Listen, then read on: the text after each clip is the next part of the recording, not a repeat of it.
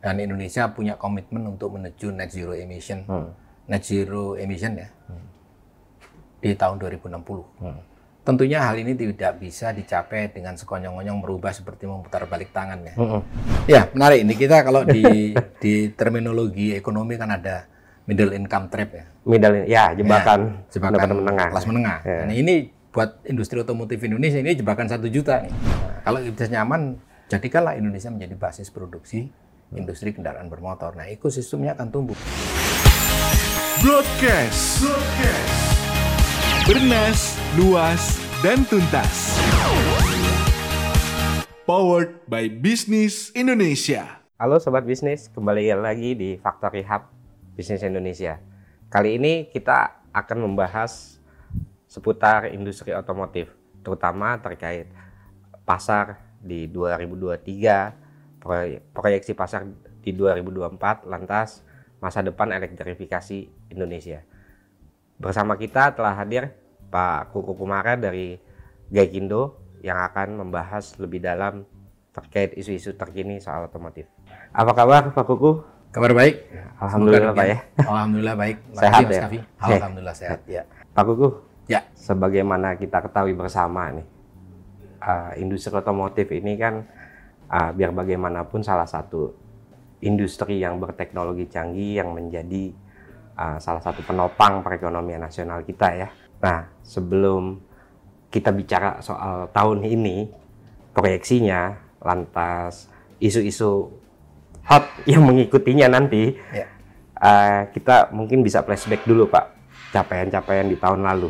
Karena uh, sejauh ini kan kita tahu ini ada pelemahan, walaupun turun tipis nih Pak, sekitar 4 persenan 4%, ya kalau nggak salah. Nah tapi kan itu kayak kondisi uh, sebenarnya kalau selama ini kita kaitkan bahwa pertumbuhan ekonomi itu berpengaruh terhadap penjualan, tapi kan di tahun lalu itu perekonomian justru kita stabil nih di lima persenan. Ya. Tapi mengapa pasar otomotif ini mengalami penurunan, Pak? Oke, makasih pertanyaannya. Jadi memang tahun lalu itu kita juga terkejut dengan adanya penurunan yang akhirnya ditutup dengan ada kurang lebih penurunan 4%. Iya. Kejadiannya itu terjadi di bulan September dan Oktober. Oh, di Jadi dari Januari sampai Agustus itu semuanya berjalan lancar. masih happy ya? Masih happy. Bahkan kemudian di bulan Agustus kita punya Gias Yap. dan cukup meriah, cukup eh, ramai. Hmm. Uh, kita harapkan di bulan September itu akan terjadi penjualan cukup baik. Ternyata kita terkejut karena kemudian ada penurunan di bulan uh, September. ya. Nah, kemudian kita coba cari akar masalahnya ada di Iya, mana. betul, Pak. Ekonomi bagus, inflasi terkendali di bawah 3%, ya kan? Ternyata sumber masalahnya adalah uh, suku bunga di Amerika Hmm, naik the Fed ya. The Fed dinaikkan dan dengan adanya kenaikan itu maka dolar yang ada di sini tuh lari Dari keluar. lari ya. ke keluar ya. Namun kita kemudian berkoordinasi mencari informasi dengan pihak eh, central bank maupun juga dari eh, bank yang lain perbankan. Nah, ada indikasinya bahwa mudah-mudahan ini sementara karena Sementara. kemudian ujung-ujungnya akan mencari tempat di mana pertumbuhan ekonominya masih lumayan bagus ya. Sementara di negara barat kan ekonomi juga masih, Masih. berat, terancam dengan adanya resesi dan sebagainya. Dan alhamdulillah hal itu terbukti eh, benar. Hmm. Jadi di bulan November dan Desember penjualan cukup bagus sehingga di tahun 2023 kita tutup dengan eh, tembus di satu juta lima ribu ya. Artinya itu sedikit meleset dari apa yang kita proyeksikan harusnya satu juta lima puluh ribu. Ini satu juta lima ribu. Dan ekspor yang semula kita harapkan di 500 ribu Melandai ya tembus juga. Tembus juga ternyata. Tembus ya. juga 5.000, 500, 5.000 juga. Ini juga rekor terbanyak atau terbesar selama uh, ini. Selama ini ini cukup bagus sebetulnya. Akhir 20, 2023 ya. Hmm. Jadi tetap ada torehan prestasi ya Pak ya. Tetap ada torehan prestasi ya betul. nah, uh, menarik sih Pak ya kalau bisa dibilang uh, tadi indikator makro kita oke kok, tapi Iya. ternyata memang dipengaruhi oleh kondisi global ya, Di luar, dari ya. eksternal ya. Eksternal. Tapi di sisi lain misal Pak, kalau kita bis- uh, bicara soal struktur perekonomian kita nih Pak, Ya. memang ada di situ kan ada komoditas Pak ya yang Betul. sejauh ini menopang lumayan besar uh, PDB kita, komoditas, lantas uh, tambang gitu ya. Ini sebenarnya ada pengaruh juga gak sih Pak dari dari kondisi uh, sektoral tersebut gitu terhadap uh, permintaan di otomotif karena di komersial ya yang kita lihat tuh agak lumayan tuh tantangannya. Betul, jadi memang ada kaitannya dengan komoditas. Selama ini kan kita juga banyak mengandalkan dari kegiatan-kegiatan ataupun sumber-sumber lewat komoditi ya. Jadi pada waktu harga komoditas kita misalnya sawit ataupun dan tambang bagus, biasanya juga penjualan juga mengikutnya eh, kondisinya bagus. Berawal dari roda 2 kemudian meningkat juga dengan eh, roda 4 dan seterusnya, termasuk kendaraan-kendaraan komersil. Jadi memang itu ada hubungan erat lah, Erat, iya. ada kaitannya. Dan kalau nggak salah sih eh, komoditas-komoditas tadi adalah salah satu penopang juga Penopang, ekonomi ya. kita dan ekspornya juga bagus. Nah untuk otomotif kita memang naik turun di ranking 6, 7 atau 5 kadang-kadang ya. Iya.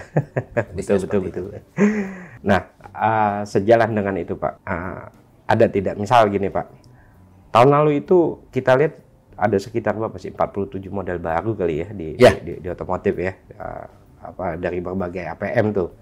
Uh, lantas pertarungannya menjadi kian sengit. Nah, Ya, ya. ini menarik nih Pak. Kalau mungkin di era-era uh, 5 sampai 10 tahun yang lalu kita masih bicara di uh, level di low entry ya. uh, banyaknya gemuknya di sana.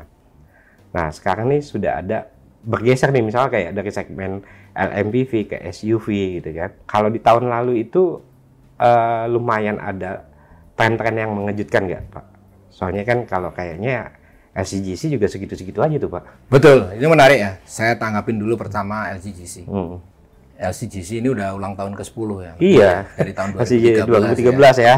Jadi eh, memang cukup fenomenal karena kemudian kita juga bisa mengungguli dari Thailand. Nah, Thailand juga memperkenalkan pada waktu itu adalah Eco Car. ya. EcoCar, Kita ya. muncul dengan LCGC, low cost green car. Semula kita 0%, sekarang kita kenakan 3%. 3 persen. Karena kita menganut pola semakin rendah emisinya semakin rendah Yap. apa eh, pajaknya. Iya, Dan kita juga berbasis mengarahkan emisi ya sekarang ya. emisi. Nah LCGC ini eh, cukup menarik karena kemudian tumbuhnya itu di kisaran antara 15 sampai 20 persen market share. Mm-hmm. Dan tahun lalu kalau nggak salah sekitar 21 Mm. persen. Ini cukup menarik dan bisa bertahan. Kembali ke pasar di Indonesia, itu memang masih didominasi oleh MPV, multi, betul. multi-purpose vehicles ya. Seven seater masih Iya, laku. mobil Jadi keluarga mobil ya. keluarga. Heeh.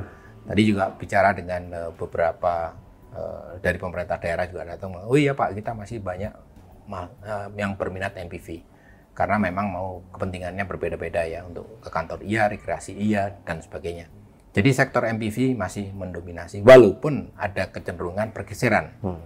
Mulai ada yang berminat dengan eh, SUV, SUV. berbagai levelnya, Hmm. kemudian juga ada yang mulai bergeser kepada sedan. Kalau kita balik lagi pada waktu ada pandemi, Pandemi ya ya. tahun 2021 itu juga menarik eh, disimak ya. Hmm. Waktu itu kan diberikan eh, insentif ya Ya, PPNBM DTP PPNBM yang mampu DTP bangkit ya. ya. Nah ada beberapa kendaraan yang karena adanya insentif itu insentifnya cukup menarik menarik. sehingga kemudian juga banyak diminati. Hmm. Bahkan waktu itu muncul wah ini gimana nih industri nggak siap karena Permintaan. ya. indennya Iya, permintaannya apa, banyak. ya. lama dan sebagainya. Bukan soal indennya, karena selama ini eh, demand-nya misalnya seribu misalkan, karena kemudian ada BPM, BPN, BM DTP DTP, ya. Wah daripada yang ini saya beli mobil yang ini. Oh, nah oke. itu ternyata yang tadinya seribu naik menjadi 2000 Tentunya kita perlu waktu untuk melakukan adjustment, karena pada waktu pandemi tentunya kan slow ya Slow, rada rendah. Jadi kondisi-kondisi seperti itu. Pergeseran memang menarik di samping ke SUV juga ada yang eh, city car. dan City car. Jadi banyak lah. Inilah dinamikanya dan ditambah lagi kemudian muncul electric vehicles dan electric sebagainya. vehicle. heeh. Iya, kalau sampai tutup tahun itu electric vehicle untuk semua teknologi Pak ya, Ya. hybrid, BEV, lantas PHEV, kira-kira udah sampai tiga persenan Pak ya kalau nggak salah ya dari Eh, total volume atau Betul. Iya. Kalau kita melihat kombinasi semuanya, kalau electric vehicle sendiri itu tumbuh sekitar 1,7 di persen. 1,7 persen ya. Nah, market share-nya di Market sa- ya, 1,7 persen. BEV ya. Kemudian itu BEV, kemudian hybrid itu sekitar eh, lima persen, 5,4 Lima- persen. oh ya. Karena tahun lalu terjual lebih kurang 54 ribu unit Iya. ya. Signifikan Untuk, banget itu. eh, hybrid ya. Hmm. Sementara untuk BEV-nya sendiri terjual kurang lebih 17 ribu unit. Apa yang dilihat sama Gekindo dengan perkembangan elektrifikasi nih di segmen ini? Lumayan Pak, soalnya pertumbuhannya itu berkali-kali lipat ya. Ya. Ini menunjukkan hal yang cukup menarik ya. Jadi kita pemerintah dan Indonesia punya komitmen untuk menuju net zero emission, Hmm. net zero emission ya di tahun 2060. Tentunya hal ini tidak bisa dicapai dengan sekonyong-konyong merubah seperti memutar balik tangan ya. Mm-mm. Perlu ada proses dan kita menganut apa yang dinamakan dengan multi pathway. Multi pathway Pak. Jadi ada beberapa jalur yang bisa diikuti. Salah satunya tentunya electric vehicles. Electric vehicle. Nah, electric vehicles kita coba untuk tumbuh kembangkan karena kita punya bahan dasar yaitu raw material untuk pembuatan baterai yang nikel itu ada di kita cukup banyak. Sehingga sudah wajar kalau kita mengembangkan eh, nickel based Nikel. baterai. Mm-mm. Tapi baterai pun bukan Bukan satu nikel bukan satu-satunya. untuk baterai, tapi Baterai. komponen lain masih banyak tuh ya kan. Bahan lainnya juga banyak dan ini yang harus kita tumbuh kembangkan. Dan kalau kita ingin menumbuh kembangkan industri ini, kita juga tetap bisa menjaga eh, jenis-jenis engine yang lain. Jadi kita punya diesel, kita juga punya gasoline. Nah, yang gasoline kalau kita mau menumbuh kembangkan menuju net zero, kita bisa punya eh, Etanol ya. etanol, betul. Jadi bioetanol atau etanol gasoline atau kita punya Pertamax Green Green ya pertama green. 5%. 5%. Nah, 75% pengguna gasolin itu cukup banyak. Nah, kalau kemudian 5% itu dinaikkan menjadi 10%, makin banyak lagi yang bisa kita hemat Hmm. untuk mengurangi penggunaan fosil fuelnya. Kalau naik 15% makin banyak lagi. Makin banyak. Padahal engine yang ada di Indonesia pun mungkin bisa disiapkan sampai E85. Udah ada tuh ya. Ya, 85. bahkan bisa dibuat di Indonesia. Relatif ready teknologinya. Diesel juga demikian juga. Jadi diesel ini kita juga menggunakan biodiesel dan ini yang tertinggi di dunia. Oh iya, Jadi negara lain nggak B35. ada tuh B35 tuh nggak ada tuh. B35. Itu pun berarti adalah 35% kita menghemat penggunaan fosil fuel juga. Impor. Ya, dan sebagainya. Jadi ini menariknya kalau ini bisa dikembangkan, kita punya elektrik, kita punya bioetanol, kita juga punya biodiesel. Hmm. Inilah yang perlu kita dorong banget dan ini yang kita namakan dengan multi pathway. Multi Bukan satu-satunya gitu, bukan, hanya satu saja yang kita tumbuh kembangkan. Tidak kacamata kuda. Ya. kan? nah, Iya, ah, kira-kira gitu. berkaca dari tahun lalu dulu nih bicara Ya. soal pasar. Sebenarnya kan kalau kita bisa entah kita harus berbangga atau enggak nih Pak ya. Ah, dalam artian investasi otomotif di Indonesia itu semakin ke sini semakin bertumbuh sebenarnya. Yes. Pemain banyak. Ya, Pemain-pemain baru itu banyak Pak. Teknologi baru seperti EV itu pun muncul. dengan berbagai Ya. variannya. Dengan berbagai varian. Regional kita masih jadi pasar terbesar. Ya, Persoalannya Pak, dalam 10 tahun ini pasar itu segitu-segitu aja, pemain makin banyak, produk dengan teknologi baru semakin banyak, saling bunuh-bunuhan ini Pak di dalam sini atau gimana nih Pak? Maksudku eh, ap- eh, fenomenanya ini, eh, misal gini, kalau yang kita bayangkan kan harusnya kehadiran mobil listrik, EV, lantas eh, apa flexi engine, ini bisa menambah pasar Pak. ya, Ya kan? Harusnya kan idealnya seperti Iya. itu, Pak. Tapi ini sepertinya stagnan. iya stagnan. Berarti yang tadinya kita mau naik kelas di mobil bensin karena ada mobil EV, kita beli itu. Ah, jadi pasarnya tetap segitu tuh, ya kan? Gimana Pak melihat situasi kayak gini, Pak? Ya, menarik. Ini kita kalau di di terminologi ekonomi kan ada middle income trap ya. Middle ya jebakan, jebakan pendapatan menengah. kelas menengah. Ya. Nah, ini buat industri otomotif Indonesia ini jebakan satu juta nih. Jebakan satu juta. Jadi kita udah 10 tahun One million mainnya- trap. One million trap. Kita mainnya di satu juta Ya. terus kapan kita bisa naik kelas ke 2 juta atau 3 juta? Padahal potensinya ada. Kita punya rakyat 270 juta. Ya, Rasio kepemilikan mobilnya masih 99 mobil per 1000 penduduk. kan. seribu penduduk. Punya potensi untuk uh, tumbuh. Kalau dikatakan tadi bunuh-bunuhan saya nggak setuju. Ini yang, yang terjadi adalah kompetisi. Kompetisi ya, Pak ya. Ya, kita berkompetisi. Siapa yang mau eh, atau bisa diminati oleh masyarakat ya atau konsumen, ya itu dia yang bakal menang. Iya. Tentunya akan ada pergeseran market share. Hmm. Yang tadinya menguasai cukup besar, tentunya akan harus legowo untuk berbagi dengan Iya. pemain baru yang punya teknologi yang lebih baru, punya alternatif yang baru ataupun model yang baru yang diminati oleh masyarakat. Ya. Nah ini yang harus di- dijawab.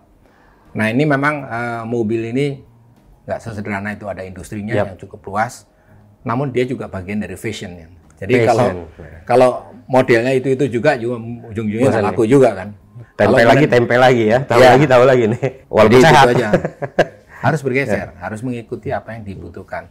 Kita kebanyakan adalah konsumen kita adalah kelompok eh, usia-usia menengah ya. Menengah ya. 30, 40 30, dan ya. sebagainya kan kelompok muda lah. Nah, itu juga harus di, di address, harus dijawab kebutuhan mereka seperti apa, Seleranya mereka. seleranya seperti apa dan sebagainya. Jadi itu yang ingin kita lakukan. Kita sedang melakukan kajian apa yang menyebabkan kita terjebak di Satu juta. satu juta tadi. Mudah-mudahan ada segera ada jawabannya. Apakah perlu kebijakan baru? Hmm. Apakah juga pemain baru ini masih berminat terus? Karena memang Indonesia tumbuh. Hmm. Nah, memang salah satu persyaratan adalah kalau ingin bisa tumbuh di atas itu, kita balik ke data kita ya. Iya. Datanya kayak Gindo itu tumbuh di 1,2 juta, itu saat ekonominya tumbuh 6 persen. Di 2013. 2013. Iya, ya, nggak Jadi ekonominya perlu tumbuh situ. Kita sekarang ekonominya 5 persen. Walaupun GDP kita naik Iya. di Iya, 5.016 ya sekarang ya dari 4.000 udah masuk 16 harusnya punya kemampuan untuk beli. Nah ini yang harus kita li- lihat lagi lebih detail. Ternyata eh, orang-orang muda Indonesia ini punya beberapa prioritas. Hmm. Semakin canggih, semakin pintar. Pertama mereka akan melihat ke pengen punya perumahan dulu, baru kemudian punya mobil. Begitu nah ya. itu dia. Polanya. Nah, kemudian juga harga mobilnya pun harus mobil yang eh, cukup terjangkau. Yap. Kalau kita kita lihat datanya itu pembeli mobil-mobil Indonesia ini rata-rata mencari mobil yang terjangkau yaitu mobil-mobil yang harganya 300 juta ke bawah. Range, range 300 Iya, semua ya. ke bawah itu kan. Walaupun ada yang lebih atas. Tapi itu harus juga dijawab. Walaupun 300 tapi juga pengen kita kan pengennya yang juga canggih mobilnya kan. Jadi itu maunya canggih tapi harganya terjangkau atau murah gitu. Hmm. Jadi kira-kira itu eh, tentunya ini tantangan bagi para pelaku industri eh, bisa memberikan apa yang dibutuhkan oleh konsumen. Sebenarnya kalau saya mau koreksi tadi istilahnya bunuh-bunuhan, sebenarnya ini masing-masing pemain dipaksa untuk menghadirkan fitur yang lebih canggih pada akhirnya. Iya, betul. Dengan dengan situasi seperti ini ya. Uh, Harganya dikunci, Iya, fiturnya perlu lebih banyak. Jadi memang kita BM banyak mau, ya kan? nah, eh, tapi di situasi yang sama, kalau kita lihat rival terdekat kita, misalnya Oke. Thailand, kayaknya untuk pertumbuhan nggak jauh-jauh beda juga nih. Apalagi kalau bicara produksi, kayaknya kita udah udah, mendekati juga tuh. Ya. Di mereka 1,8 juta unitan, pak ya. Ya. Kalau untuk produksi kita udah sampai 1,3, 1,4 ya, kalau nggak salah ya. Nah, tapi di pasar domestik juga segitu-segitu aja dia ya. Cuma bedanya memang ekspor lebih jauh lebih tinggi kan Iya. Pak, ya. Nah, eh, apa sih yang persamaan dan perbedaan kita nih di di, di pasar eh, apa otomotif kita dengan Thailand gitu kan? Satu, Hmm. Thailand penduduknya 70 jutaan. Oh ya, Kita 270 ya. tiga kali lipat ya. Hampir tiga kali lipat. Ya kita memang kalah di GDP ya. Hmm, hmm, jadi Mereka mungkin udah lebih dari 7.000, kita masih di 5.000. Hmm, Itu satu. Kalau domestik marketnya, mereka stagnan di 800-an. ya sekarang. 8 tetap stagnan. Pernah sampai satu juta itu karena Ya. ada EcoCar. Ekokar. Ada insentif dalam bentuk waktu itu first time buyer. First time buyer. subsidi kan. Hmm. Kita dengan LCGC kita bisa tumbuh. Oh iya penopangnya dari 2013 juga ya. 2013 ada, kan ada segmen muncul. itu sampai sekarang. Nah sekarang kita mulai ngejar kan bahwa Indonesia mampu memproduksi 1,4 di tahun 2022 dan itu kita menduduki ranking ke-11 11 global. global ya. Di atas kita 10 adalah Thailand. Thailand. Jadi udah mendekat kan. Dekat ya. Nah, bagaimana kita mengoptimalkan potensi kita? Kita pasar terbesar di ASEAN, ASEAN. regional ya. 31% pasar kendaraan bermotor roda 4 atau lebih adanya di Indonesia. Indonesia. Nah, bagaimana kita mengoptimalkan? Harusnya itu yang harus menjadi PR kita bersama. Hmm. Sisi lain yang menjadi keunggulan Thailand, kita juga harus lihat ya itu, harus kita akui. eh, supplier base-nya cukup kuat. Supplier Ya, base-nya. jadi ya. komponennya cukup banyak di sana, sampai raw material pun bisa diolah di sana. Kenapa kita enggak? Jadi ekosistem industri kendaraan bermotor kita harus ditumbuh kembangkan, jangan dibiarkan begitu saja. Perlu pembinaan. Nah, kita juga sampaikan ke teman-teman kita di industri otomotif, ayo kita bermain jangan hanya bermain lokal. Hmm. Ada misalnya industri komponennya, jangan hanya puas untuk menjadi pemasok industri kendaraan bermotor di Indonesia, harus menjadi pemain global. Contohnya raw material misalnya baja ya Baja. kita beberapa uh, jenis baja masih harus impor Yap. karena belum bisa dipenuhi oleh uh, produsen baja Lokal. lokal. lokal ya. Kalaupun dipenuhi harganya mahal. Jadi competitiveness itu perlu. Kemudian kalau oh ya kalau bisa memenuhi, kemudian wah ini volumenya terlalu kecil. Itu yang sebabnya saya katakan harus jadi pemain global. Jadi kita udah ekspor ke lima eh, ke hampir 100, Satu negara, negara ya. ya. 500 ribu komponennya harus juga harus ngikutin gitu kan. Iya. Jadi kalau itu tumbuh bareng, maka kemudian ekosistem kita juga akan Hmm. tumbuh eh, bersama gitu kan. Jadi harus bareng lah, nggak mungkin Iya. satu sisi. Kalau kemudian kita tumbuh hanya ngantungkan dari supply komponen dari luar, Luar. cukup berat nanti kita. Menarik. Nggak sustain. Iya nggak sustain. Ya. Itu juga konsekuensinya kontribusi otomotif terhadap PDB Thailand jauh lebih tinggi ya ketimbang Bisa jadi, kontribusi, ya. kontribusi dari apa sektor mo- otomotif kita. Walaupun sebenarnya lumayan signifikan gitu kan. Ya. Nah, eh, kalau memang eh, tadi eh, kita menyamakan fenomena Pak Ya. Thailand di bus pasarnya ya, di di di di, di pompa pasarnya itu ketika ada program memang waktu itu ada EcoCar EcoCar. satu, EcoCar dua ya kalau nggak salah. Di Indonesia ada LCGC tuh. Ya. Eh, itu kan sampai sekarang pun LCGC jadi salah satu penopang pasar kan. Apakah pertanyaannya bisa kita balik Pak? Haruskah ada lagi eh, terobosan di sek- kayaknya kalau di Indonesia kayaknya nggak mungkin tuh di bawah LCGC lagi. Jadi kan antara eh, permintaan atau per kapitanya yang kita naikkan atau memang kita mendekati harga ke bawah gitu Pak. Kalau saya lihat eh, perlu kita tumbuhkan adalah daya belinya. Daya Jadi beli. ekonominya kan kita bilang Hmm. tadi ya, pada saat 2013 tumbuh, itu ekonominya eh, tumbuh di atas 6%. Di atas Nah, 6%. kita harapkan kalau bisa 7-8% kan berarti daya belinya juga membaik. Oke. Kalau daya belinya membaik, mereka mencari mobil yang lebih baik juga. Betul. Nah itu kan industri kita juga tumbuh. Hmm. Jadi jangan kemudian kita dikasih mobil-mobil yang hanya laku domestik ya. Hmm. Hanya laku Kalau bisa sih kita membuat atau memproduksi mobil yang bukan hanya laku di domestik tapi laku untuk ekspor. Hmm. Dan yang dijual di domestik pun eh, tidak kalah kelasnya dengan yang kita ekspor sama. Iya, sama. Nah itu sebabnya kita juga mulai berpikir nih kan. Kalau sekarang kita Euro 4, kapan kita bergerak ke Euro 6 Five, nah. atau seterusnya kan. ya. Kan objektifnya kita menuju net zero emission. Itu Net bisa zero, ya. tahapan itu juga harus kita lalui. Hmm. Dan tahapan itu pun juga bisa menumbuh kembangkan industri Ya. otomotif kita. Menarik Pak. Punya kompleksitasnya sendiri ya ternyata. Iya, punya kualitas sendiri. Apalagi tadi bicara komponen, kalau tidak salah tadi juga bicara soal bagaimana ya Thailand kuat banget sih ya rantai pasoknya Pak ya. Dia Ya. ada, ya dalam artian tadi ya. Eh, Kalau kita pengen taruh tahu, kok bisa seperti itu? Iya, Kenapa iya. nggak kita bisa copy itu, paste gitu kan? nah itu, itu kayaknya kayak harus gimana Pak? Nah itu kenapa eh, banyak perusahaan-perusahaan yang stay di sana. Heeh. Kemudian mungkin kita kalau kita lihat banyak CEO CEO-nya Iya. kemudian kalau kalau pensiun maunya tinggal di Mau, Thailand. maunya sana ya. Bisa nggak mereka itu CEO CEO yang ada di Indonesia? "Ya udahlah saya mau urus di Indonesia, saya mau tinggal di Indonesia, mau pensiun di Indonesia. Jadi kalau ada proyek baru untuk otomotif, Otomatis. mau penambahan investasi, gimana nih? Kalau dipilih di ASEAN, udahlah Indonesia saja. Harus kita bikin seperti itu kan? Dibuat nyaman di Indonesia Biar nyaman nih. kan di Indonesia. Iya. Nah, kalau bisa nyaman, jadikanlah Indonesia menjadi basis produksi industri kendaraan bermotor. Nah, ekosistemnya akan tumbuh. Apa itu conventional vehicle, internal combustion engine, apakah itu electric vehicle, apakah itu hybrid, apakah nanti juga hydrogen. Hidrogen. Kita bisa semua ada di sini. Iya. Namun ya harus punya suatu eh, rencana yang terstruktur dan sifatnya jangka panjang. Jadi jangan jangan jangka pendek ya. Hmm, hmm. Sifat ada sifat fashion, model baru harus tetap kita Unsur jaga itu. Hmm. tapi udah punya perencanaan jangka panjang. Hmm. 20 tahun, 30 tahun ke depan atau 40 tahun ke depan seperti apa? Apa yang mau diintrodusir di Indonesia? Hmm. Nah, kita lihat bahwa pertumbuhannya menarik. Jual mobil kan bukan hanya di Jawa aja. Kalau dulu mungkin 20 Hmm. tahun Betul. yang lalu 80% jualan mobil ada di Jawa. Sekarang tinggal 60. 60% di Jawa. Sumatera mulai tumbuh karena apa? Di Sumatera infrastrukturnya udah mulai bagus. Betul. Nah, jalan tol udah dibuat di sana. Di Kalimantan ada, Sulawesi ada, Indonesia Timur ada. Ini makin ter, ah, makin tersebar. Balik lagi kalau persaingan dengan Thailand tadi ya. Hmm. Ah, kota besar di Thailand nah berapa? Ada Bangkok, Chiang Rai, Chiang Mai kan. Chiang Mai. Kita di Sumatera aja ada Medan, ada Banda Aceh, Ada ada Lampung, Pekanbaru, Padang. ada banyak kan. Belum yang di Jawa, belum yang di Kalimantan. Itu kan potensi untuk penjualan kendaraan bermotor ya otomotif di Indonesia. Kira-kira gitu saya ngelihatnya. Pak. Ya, menumbuhkan pusat-pusat pertumbuhan baru kan, Ya. mendorong mendorong itu ya. ya, Lantas pemerataan tadi, ya.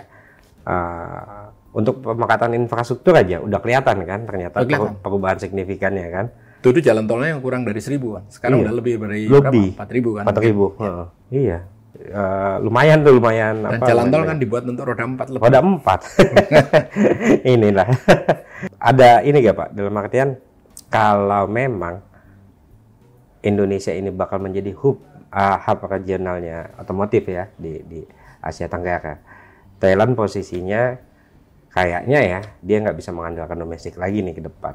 Ya. Nah Indonesia kan tadi sebagaimana disebutkan kan masih cukup luas, masih apa rasio 99 99 Domestiknya oke lah. Ya, berbanding seribu gitu. Ya. Kalau pandangan dari industri sendiri, apa Pak yang menjembatani antara idealitasnya sama realitas itu? Itu yang menjembatani apa Pak? Dalam artian instrumen ini Pak, bukan lagi kita bicara uh, ya seharusnya kan pertumbuhan segini, segini. Tapi instrumen ada gak Pak yang memang harus? Instrumen misalnya salah satunya adalah kebijakan tentunya. Kebijakan Iya. perlu konsisten Nah. dan kemudian infrastruktur pendukungnya ada. Instru- Contohnya saja misalnya kalau kita mau menerapkan sesuatu yang baru, ada lead time yang harus diikuti. Oke, Lita. Nah, itu kan sudah sudah teruji sekian lama itu seperti itu. Hmm. Nah, ini yang harus diikuti dengan baik, jangan kemudian terlalu cepat berubah. Begitu kemudian perubahan diikuti, berubah lagi Hmm. ataupun nggak konsisten. Hmm. Nah, itu yang perlu eh, di- dipahami. Jadi kita harus melompat eh, lebih lebih jauh lagi. Contohnya saja misalnya gini kan. Kita sekarang Euro 4. Hmm.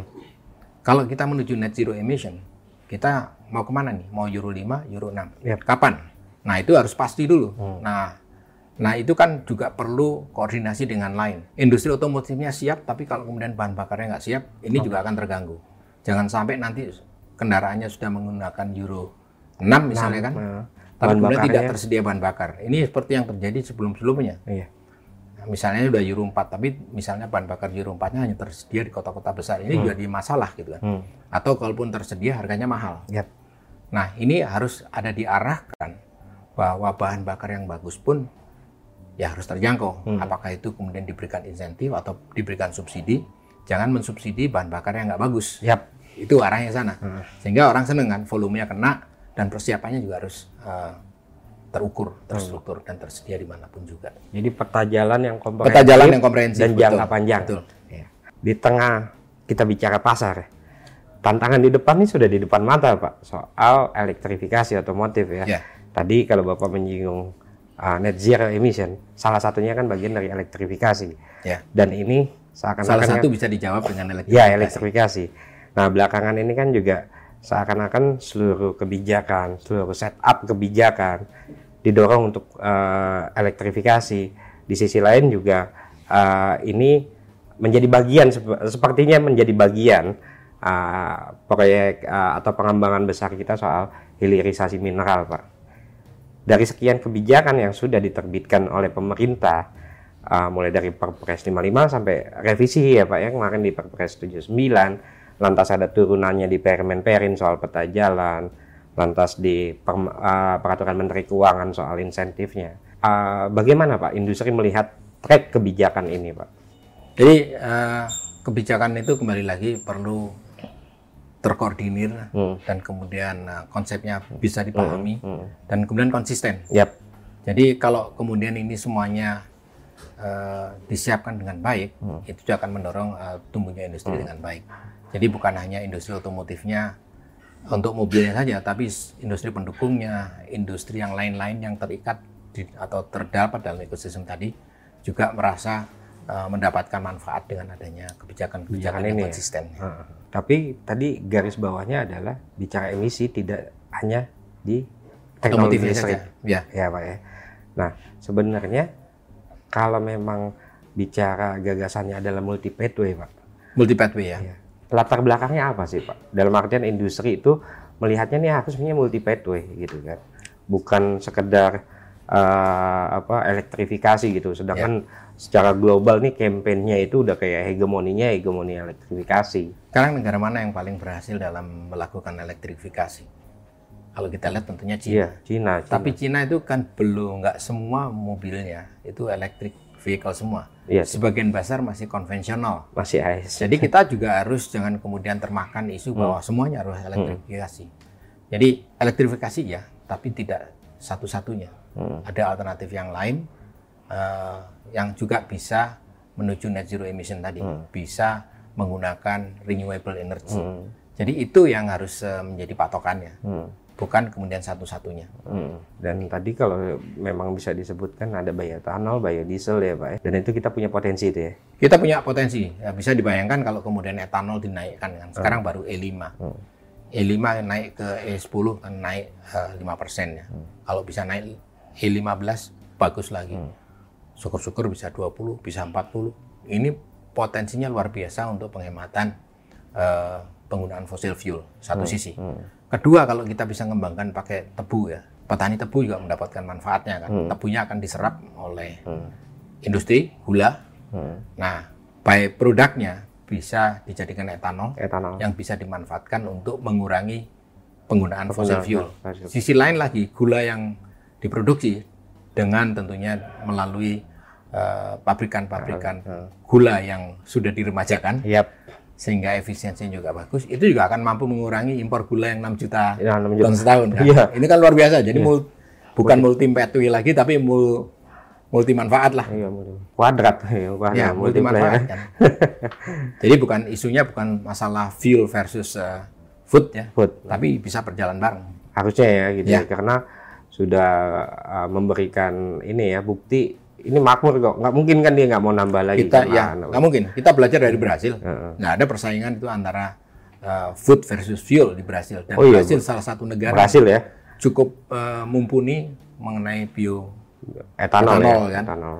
dan saya sempat bicara dengan uh, perwakilan-perwakilan Brasil dari pemerintah maupun dari swastanya. Uh, saya tanya mereka, oh iya kita unggul dalam bio etanol, Udah cukup lama puluhan tahun mereka mengembangkannya. Kita biodiesel ya. Kita biodiesel, mereka ingin belajar biodiesel di sini. Ya. Kemudian saya tanya, tahu nggak engine yang dipakai di Brasil sana buatan mana? Nggak tahu, ternyata itu buatan Indonesia. Jadi kita udah pakai gitu. Kita, udah bikin bikin tapi yang Brasil. ya. ya. Eh, bahan bakarnya belum ada di kita kan. Bakarnya belum ada. Ya Pak, nyambung. Tadi soal Brazil yang berhasil. Brazil yang Brazil. Ya. ya. Dengan etanol. Ya, mereka udah datang ke sini malah ke kayak gitu. Untuk Ya, diskusi mengenai uh, etanol. Mereka pengen nanya juga biodiesel. Hmm. Ya, saling tukar informasi dari kedutaan. oh dia eh, datang untuk pela- mempelajari Indonesia Ya. bagaimana untuk Tukar informasi ya. dan mengajak untuk bikin. Kalau nggak salah udah pernah kita lakukan uh, bikin FGD Hmm, di sana Pak di, di sini. di sini. Tapi yang ngikut juga dari Brasil juga ada. Oh, oke.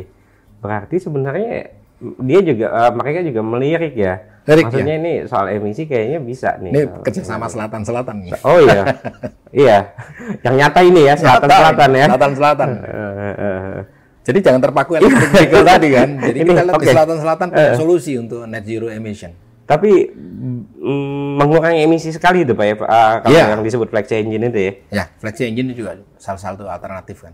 Iya. Ya tentunya tidak seperti electric vehicle. Electric vehicle. Nah, yang mungkin saya juga ingin sampaikan kalau electric vehicle kita juga punya sumber listriknya cukup cukup bagus. Yap. Karena kita banyak sungai. Jadi banyak tenaga listrik yang sekarang surplus ya, yang bisa dihasilkan dari PLTA kan. Hmm. Nah itu juga harus kita manfaatkan. Jadi kita tidak eh, menutup mengenai electric vehicle, tapi kita juga yang konvensional juga bisa dikembangkan dengan menggunakan bahan bakar yang tadi terbarukan, Terbarukan ya. renewable energy. Kalau memang ah, untuk pengembangan di di soal flexi engine lantas ini bicara emisi. Kebijakannya itu seagresif mobil listrik ya sih Pak? Saya lihatnya harusnya sejalan bareng ya. Harusnya Jadi ada alternatifnya ada. Orang ya. boleh milih aja lah. Hmm. Seperti pada waktu kita ada diterapkan PPN BMDTB kan ada variannya tuh. Ada variannya Ya. betul. Jadi kemudian uh, konsumer diberikan kesempatan untuk milih mana yang bagus. Nah kalau kemudian listrik yang dipilih karena kemudian lebih nyaman dan sebagainya, tentunya akan konsumen pasti akan tahu lah itu. Tahu lah ya. Ya. Dan ini tidak sekedar ah, apa ya? Kalau bisa dibilang secara sumber energi kita punya, Punya ya, secara teknologi kita ada. punya ya. Kenapa enggak gitu ya? Ya. Dan ini terkaitnya bukan sekedar emisi, tapi pengembangan industri, lantas ketahanan energi, bener ya? Ketahanan energi ya. ya kan? Ketimbang Eropa krisis balik lagi pakai batu bara. Ya, Di kita kan masih ada kita tadi batu ya, punya. batu bara ada, ya kan? Mau pakai baterai nikel ada. Nikel ada, Yang lain juga bisa juga. Hmm. Etanol ada. ada. Diversifikasinya banyak ya. Jadi baurannya harus cukup, cukup bagus lah. Hmm. Sepertinya harus masuk dalam platform kebijakan yang memang jangka panjang tuh ya. Jangka panjang dan konsisten ya. Ya, Jangan jangka panjang kemudian berubah lagi. Kita pernah Hmm. memperkenalkan eh, mobil pakai gas kan. Oh ya, gas LNG. BBG ya. Nah, ada kelanjutannya itu kan. Padahal sumber gasnya katanya kita punya kan. Hmm. Karena sekarang teknologinya udah berubah. Nggak bisa seperti dulu misalnya eh, conventional engine, Hmm. ya, ICE, dikonvert, dikonvert menjadi LNG kan. LNG. Atau eh, gas alam kan. Hmm. Nggak semudah itu karena sekarang kan sudah pakai ICU dan sebagainya. BBG ya gitu. Ya, BBG-nya. Ini saya emang istilahkan aja nih BBG bolak-balik gagal ya Pak. BBG, Ya. BBG. Jadi menarik lah kalau kita mau pakai itu kan bahkan dulu Transjakarta bisnya juga ada yang pakai BBG sekarang nggak ada lagi. Tapi Jangan setengah-setengah, tapi lanjutkan ini Ya. ya.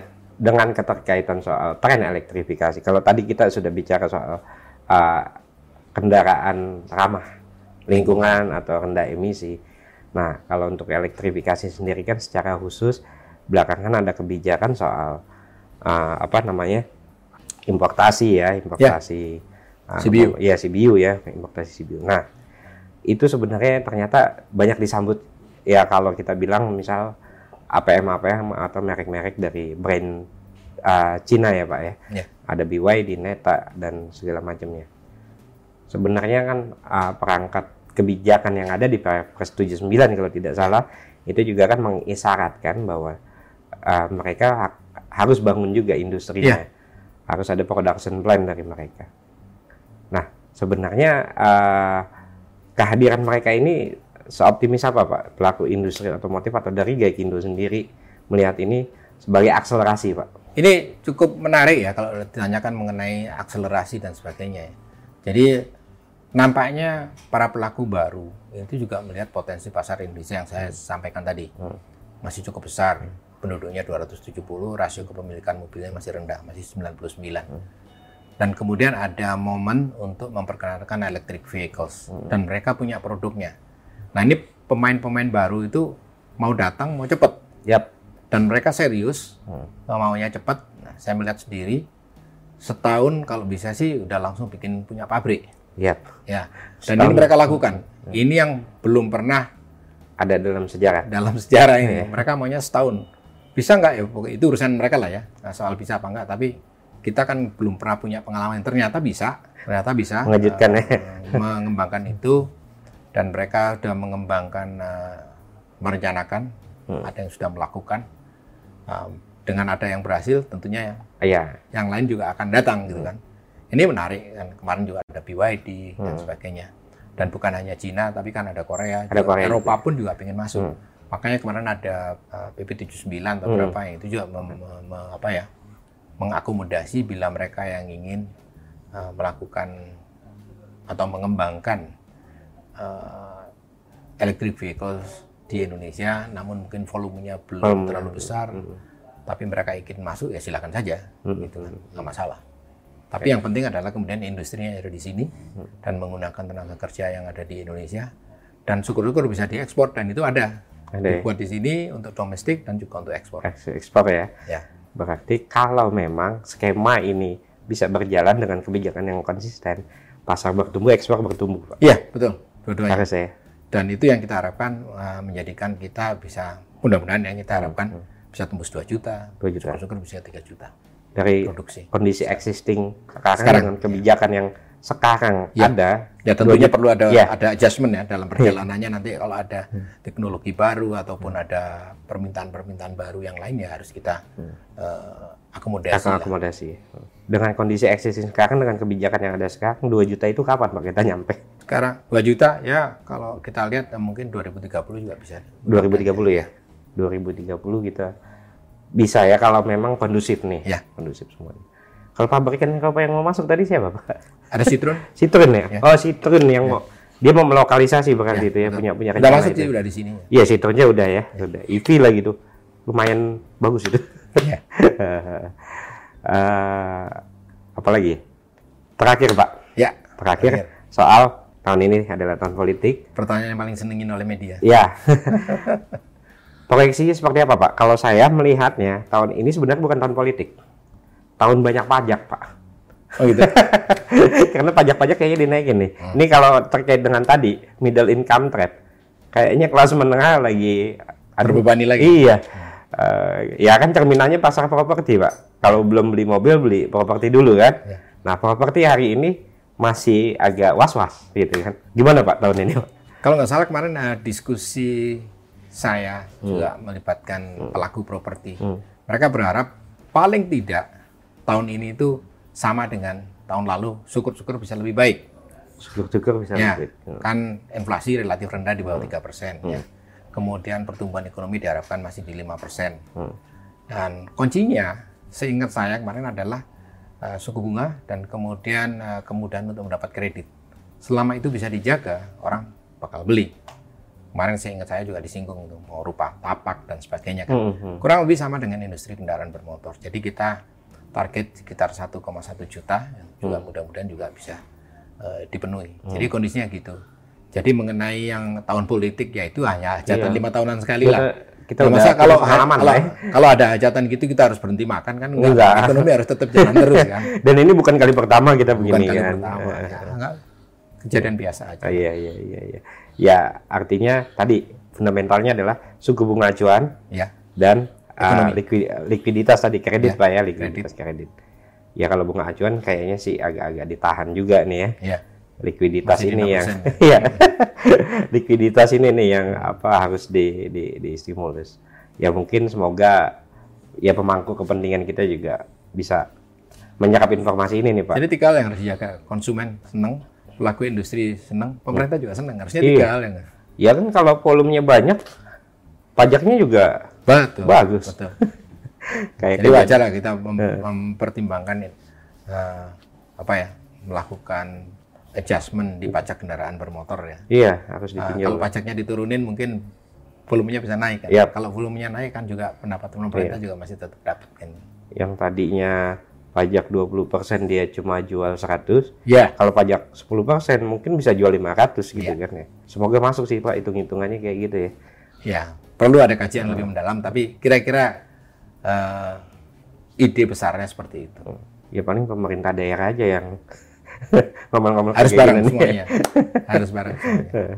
Ya harusnya volumenya juga naik dong yang di Naik. daerah ya. Ya. Oke. Ya intinya harus diskusi bareng. Mungkin nanti kalau memang ada kajian atau tinjauan gitu Pak yang memang bisa mereasoning ini secara ilmiah juga Ya. boleh kita diskusi ulang lagi tuh. Boleh. Karena kita inginnya juga pakai itu. Jadi ada dasar ilmiah lah gitu kan, bukan hanya ngambil angka dari langit gitu kan. Nah itu kan agak sulit Pak kalau kayak Ya. gitu. Jalaninya susah. Susah, nggak ketemu nanti. Oke Pak Kuku makasih ya Oke. atas diskusinya. Sama-sama. Nah, demikian sobat bisnis bincang kita dengan Pak Kuku Kumara Sekjen Gaikindo terkait industri otomotif kini dan nanti. Sampai jumpa di Factory Hub episode selanjutnya. Bye.